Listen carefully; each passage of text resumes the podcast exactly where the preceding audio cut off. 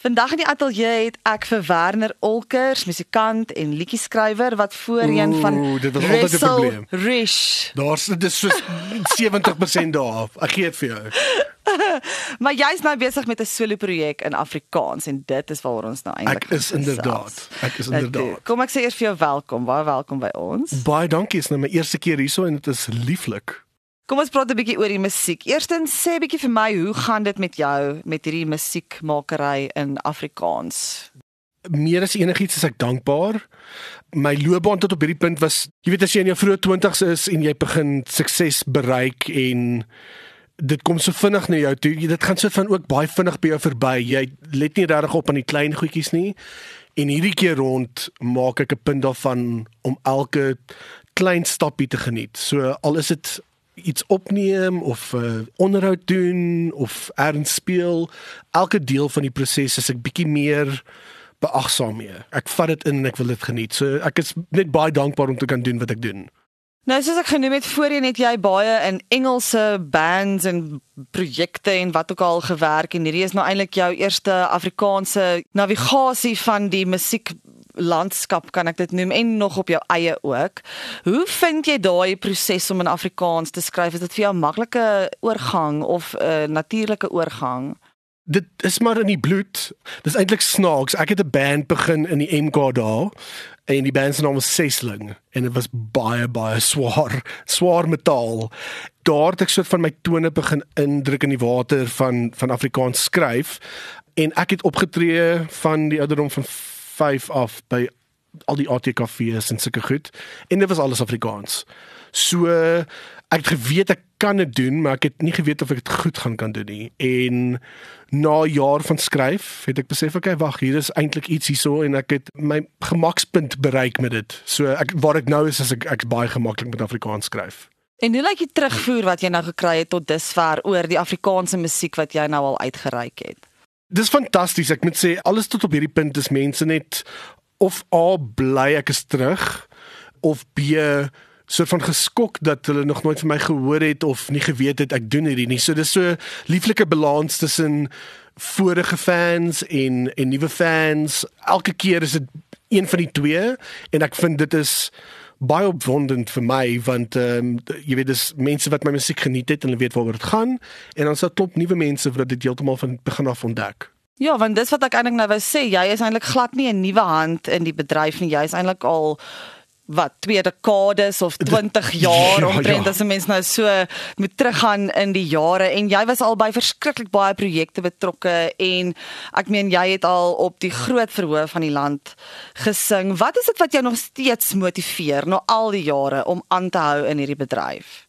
Daar's net heeltyd liedjies in my kop. Ek hoor musiek in alles en daar's kuns in alles en ek dink om dit soort van van die hand af te wys, doen ek myself net jy weet te na. So vir my is dit so van 'n ding van om elke dag iets nuuts te kan doen in musiek of in skryf of wat ook al dit is. Dit is so 'n wonderlike persent. Ek kan dit nie net ophou geniet nie. Daar's mense wat hulle hele lewens werk om 'n druppeltjie te kan kry van wat ek al deur die jare kon ervaar. So dit sou selfsugtig wees vir my om nie aan te gaan met dit nie.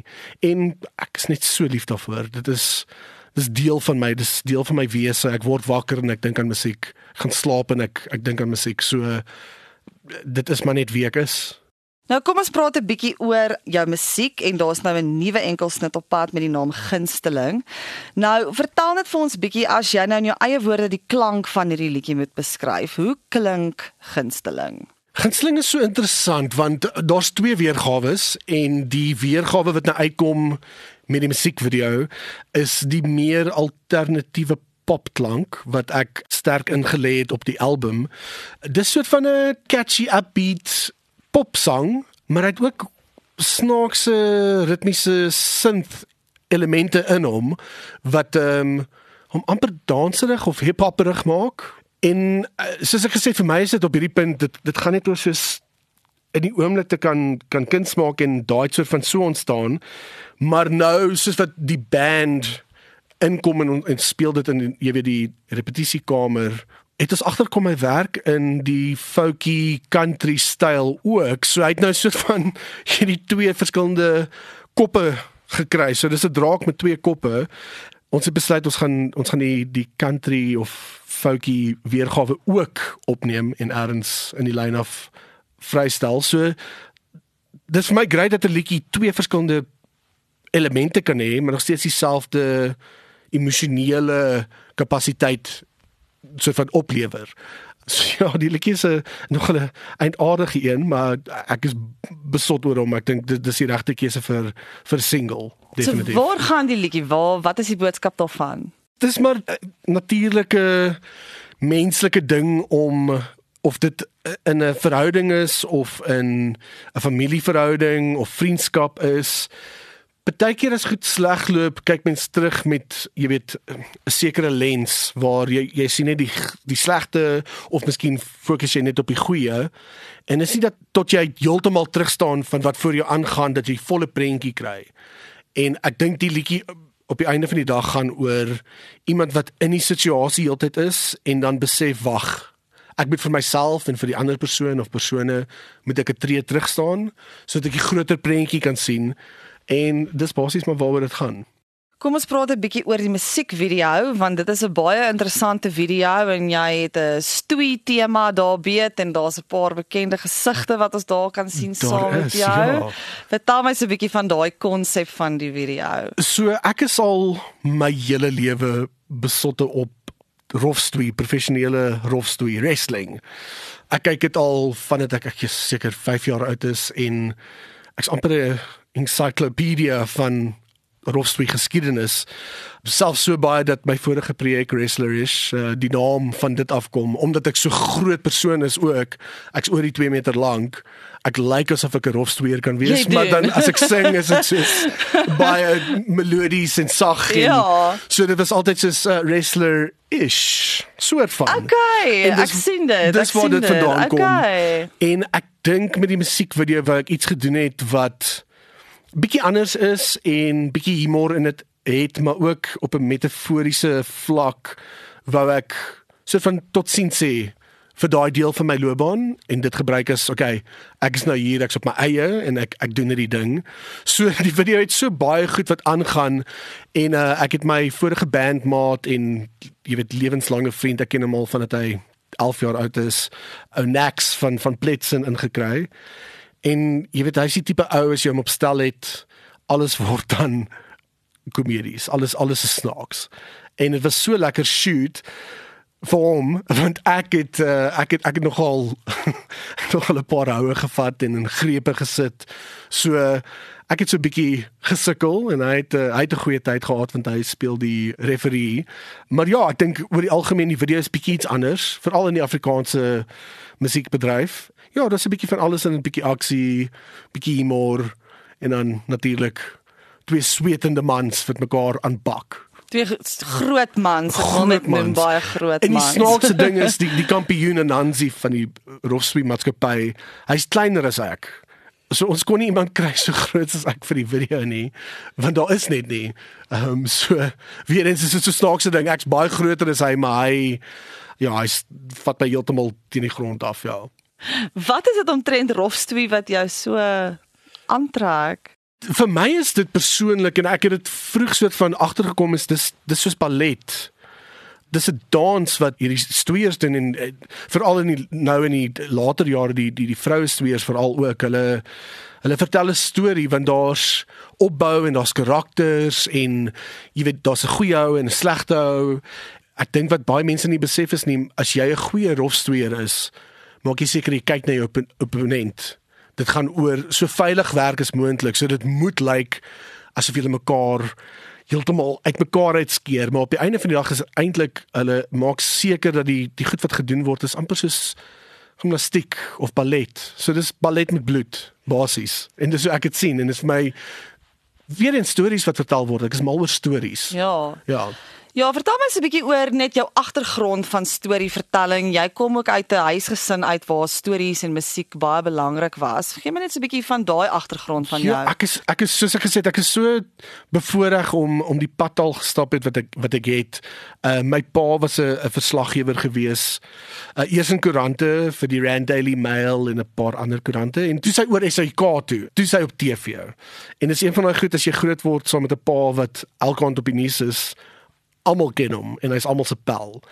En ek was baie bevoorreg. Ek het ek het jy weet op stelle groot geword, Pumpkin Patch en Kidio en KTV en al daai tipe goed en my ma net aan die ander kant was 'n ballerina en sy speel orgel, klavier, gitaar, baie musikaal. Daar was altyd musiek in ons huis, alles van ABBA tot Pink Floyd tot Leonard Cohen, soos bietjie van alles. En my suster is ook musikaal, jy weet sy sy kan sing en gitaar speel. Sy doen dit nie vir mense nie, maar so dis soort van dis in in die bloed. Dis iets wat ek mee groot geword het en ons almal soort van saam geniet tot hierdie dag toe. Nou jy het vroeër genoem daar is 'n album in die pipeline. Vertel net 'n bietjie meer vir mense wat nou geïnteresseerd is in wanneer jy hierdie album gaan drop. Wanneer kom hy uit en wat kan hulle verwag? So ons het nog nie 'n finale datum op dit gesit nie, omdat gunsteling nou die 23ste Februarie uitkom en ons gaan eers hard bemark om die video en om die liedjie en kyk wat gebeur met Ra. Jy weet daar's so baie elemente wat in dit ingaan. Ek dink dit sal 'n groot rol speel in die keuse maak van wanneer die album uitkom. Ek wil baie graag die album voor einde Mei uit hê.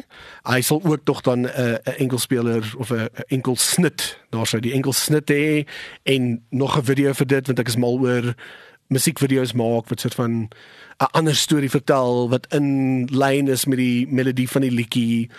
Kom ons sê einde Mei. Nie daarby hou nie, maar dis wat vir ons mik, ja. En dis 12 liedjies. Alles is bietjie anders as die, die vorige liedjie. Daar's definitief 'n element van alternatiewe pop deur uit die die album, maar elke liedjie het iets spesiaal. Ek ek het regtig hard gewerk daaraan om om klanke te skep in ander plekke, ja. Nou waar is gunsteling dan nou beskikbaar? Gunsteling is oral beskikbaar. So as jy hom nie kan kry nie, dan het ons iets verkeerd gedoen. Alles van Spotify tot YouTube Music. En as mense jou in die hande wil kry vir vertonings of enige iets met wie met hulle kontak maak, kan hulle 'n webwerf besoek. Ja, so www.wernerolkers.co.za en ek is maar op al die sosiale media platforms. Ek is nou eers in die proses om besig te raak op dit en eintlik goed uit te sit. Ek's nie baie goed met sosiale media nie, maar ek is ek's in my laat 30, so dis okay, ons kan my vergewe daarvoor maar ek is meestal bedrywig op Instagram en ek voel dit soort van waar my ouderdom mense uithang maar ek beloof ek werk aan TikTok en, en ons gaan definitief meer goed uitsit so ja Instagram, Facebook, TikTok, X of Twitter wat ook al jy dit wil noem as jy sou weet ek ek love dit om met mense te praat oor musiek. So as jy enige vrae het oor oor die proses van musiek of net wil chat oor Suid-Afrikaanse kunstenaars of oor, oor my musiek kan my enige tyd 'n message drop ja. Luister